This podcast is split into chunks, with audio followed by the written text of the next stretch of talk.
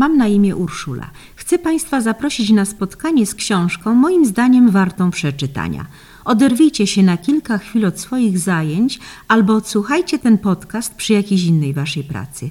Ciekawe lektury wybieram z zasobów Biblioteki Pedagogicznej, w której pracuję.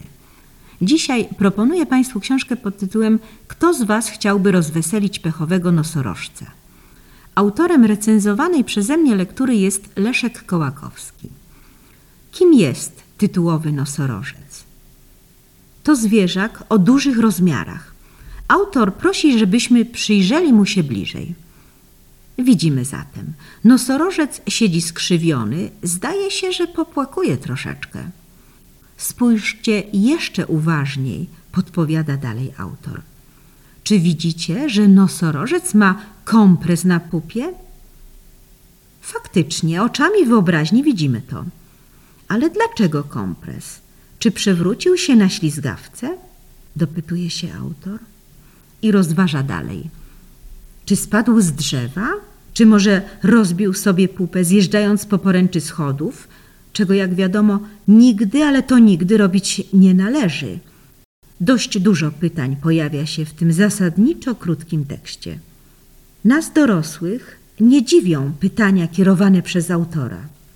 Ci z nas, którzy żyją trochę dłużej, wiedzą, że Leszek Kołakowski był filozofem, a filozofowie lubią zadawać pytania. Tekst ten napisał Leszek Kołakowski dla swojej kilkuletniej córki Agnieszki, dość dawno, bo w latach 60. XX wieku. Rzecz ciekawa, filozof, o którym mowa, był filozofem komunistycznym. Mimo to w czasach głębokiej komuny, w których powstał utwór, nie otrzymał on wtedy pozwolenia od ówczesnych komunistycznych władz na publikację jego bajki. Zatrzymała ją wówczas cenzura, a bajka przeleżała w szufladzie 20 lat. Dopiero w 1986 roku ukazała się w drugim obiegu, wydana przez krakowską oficynę literacką, a w roku 2006 oficjalnie przez wydawnictwo Muchomor. Hmm, robi się coraz ciekawiej. Czas zatem na spotkanie z bohaterami. Poznajmy ich. Jednym z nich jest tytułowy nosorożec. Poznajemy go w dość niekomfortowej dla niego sytuacji. Oto nosorożec posmutniał. Okazuje się, że był on już dawno smutny, zanim nosił kompres na pupie. A kiedy inne nosorożce pytały go, czemu jest smutny, wzdychał wówczas głośno i mówił tylko: O, mam bardzo wielkie zmartwienie. I nic więcej nie chciał powiedzieć. Szykuje się tu chyba jakaś duża tajemnica, którą należy wyjaśnić. Dalej wiemy o nosorożcu tyle, że to marzyciel. Od zawsze marzył o lataniu. Chciał wznieść się w powietrze i pofrunąć daleko. Czy możliwe jest, by tak duże zwierzę mogło latać? No nie, bo nie ma przecież atrybutów pomocnych w lataniu. Jest i za duży, i za ciężki. No stąd biorą się jego zmartwienia z faktu, że nie umie latać, a bardzo tego chce. Nosorożec przypatrzył się swoim koleżankom i kolegom nosorożcom. Oni też przecież nie umieli latać. I wcale się tym nie martwili. Dlaczego jego to zatem męczy? Męczy go, bo on ma marzenia. A jak wiadomo, marzenia są po to, żeby je realizować. I z dziwnym uporem nosorożec próbuje to robić z obawy, że mógłby być wyśmiany przez innych nosorożców, nie zwierzył się im ze swojego zmartwienia. Przypadkiem spotkał wróbla i to jemu postanowił przedstawić swój problem. Dochodzimy teraz do zaprezentowania drugiego bohatera, a jest nim wróbel. Wróbel jest poczciwy, prostolinijny, ale niezbyt mądry. Kiedy tylko nosorożec powiedział mu o swojej chęci latania, ten wsparł go od razu w jego marzenia. Bez specjalnego zastanawiania się, czy taka nauka jest realna, zaoferował, że nauczy go fruwać. Nawet dał mu pokaz, jak się fruwa. Duży zwierzak próbuje być pojętnym uczniem. Chwilę przypatruje się lotowi wróbla, by potem naśladując go raz czy dwa nawet podskoczyć ale latanie w wydaniu nosorożca no nie mogło się udać. Wreszcie wróbel ostentacyjnie, żeby wszyscy wiedzieli, że to było bardzo mądre, choć mądrości nie miało żadnej, powiedział do nosorożca. Słuchaj, mój maleńki, mnie się zdaje, że ty nie masz skrzydełek. No cóż, oczywista oczywistość. Nosorożec ma róg, ale skrzydeł nie ma. Po czym ochoczo wróbel zaproponował mu. Mój maleńki, ja ci pożyczę skrzydełka. No tak jak powiedział, to zrobił. Na początku nosorożec próbował wznieść się na ptasich skrzydłach, ale gdy doświadczył swojej niemocy latania, rozszlochał się głośno. W bajce mamy zatem dwóch naiwnych bohaterów. Jeden, który nie potrafi ocenić swoich rzeczywistych możliwości, poza tym nie umie wyciągać wniosków z różnych zdarzeń, które go dotykają. I drugi, naiwnie sądzący, że wystarczy pokazać, jak to się robi i wszystko się uda. W tym miejscu można przedstawić trzeciego bohatera, a jest nim samolot. O, ten ma olbrzymie skrzydła. Takie na pewno przydałyby się nosorożcowi. Nie jest to raczej miły bohater.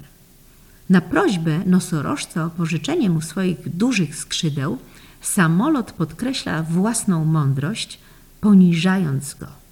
Mm, taki duży i taki głupi. Przecież widzisz, że nie mogę ci pożyczyć. I bardzo pokrzykuje i warczy na swojego rozmówcę.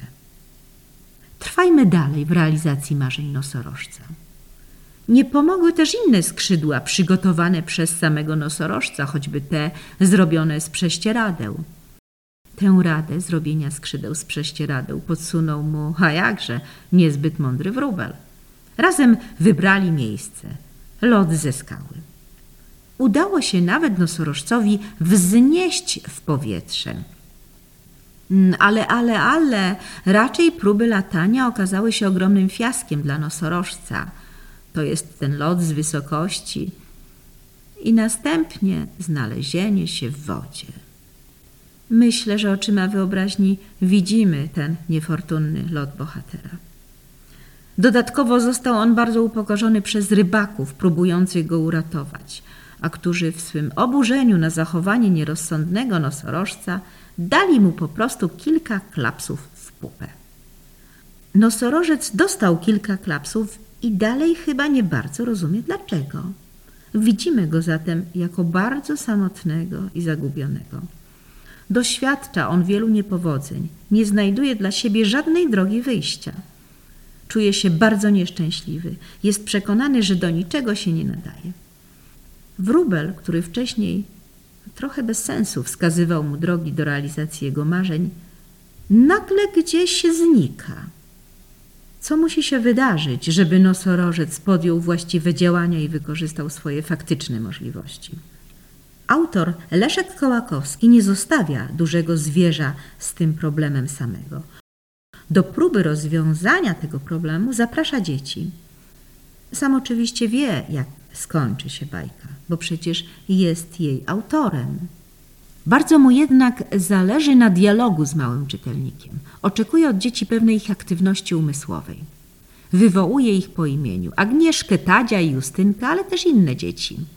Sugeruje im, że każdy na świecie byłby zmartwiony, gdyby coś takiego mu się przytrafiło. I żeby sprawdzić, czy dzieci myślą tak samo, a może inaczej, prosi, by wypowiedzieli się, czy uważają, że każdy by się martwił, że nie umie fruwać.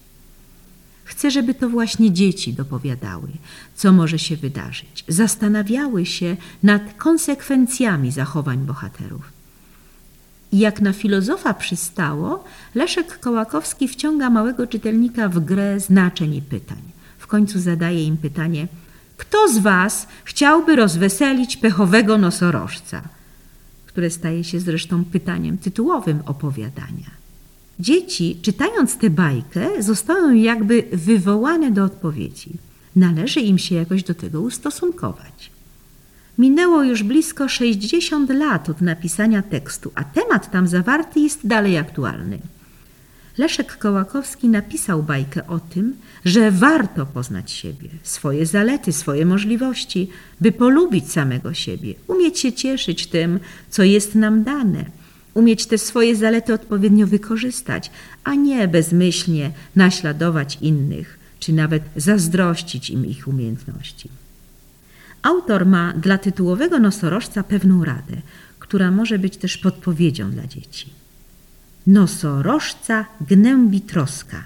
Kto pocieszy nosorożca? Wszyscy weźmy się za ręce i śpiewajmy chórem. Niepotrzebnie tak się trapisz. Wróbel fruwa, ty masz róg. Spróbuj tylko, a zobaczysz, co byś rogiem zrobić mógł. Jest to też bajka o odpowiedzialności za własne marzenia, które nie zawsze należy realizować za wszelką cenę. Dla mnie nieudany, bo nie mógł być inny, skok nosorożca ze skały ma symboliczne znaczenie. Ważne są jego konsekwencje.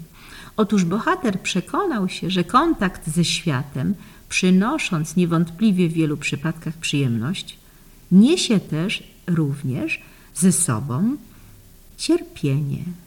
Pojawić się ono może w wielu aspektach naszego życia.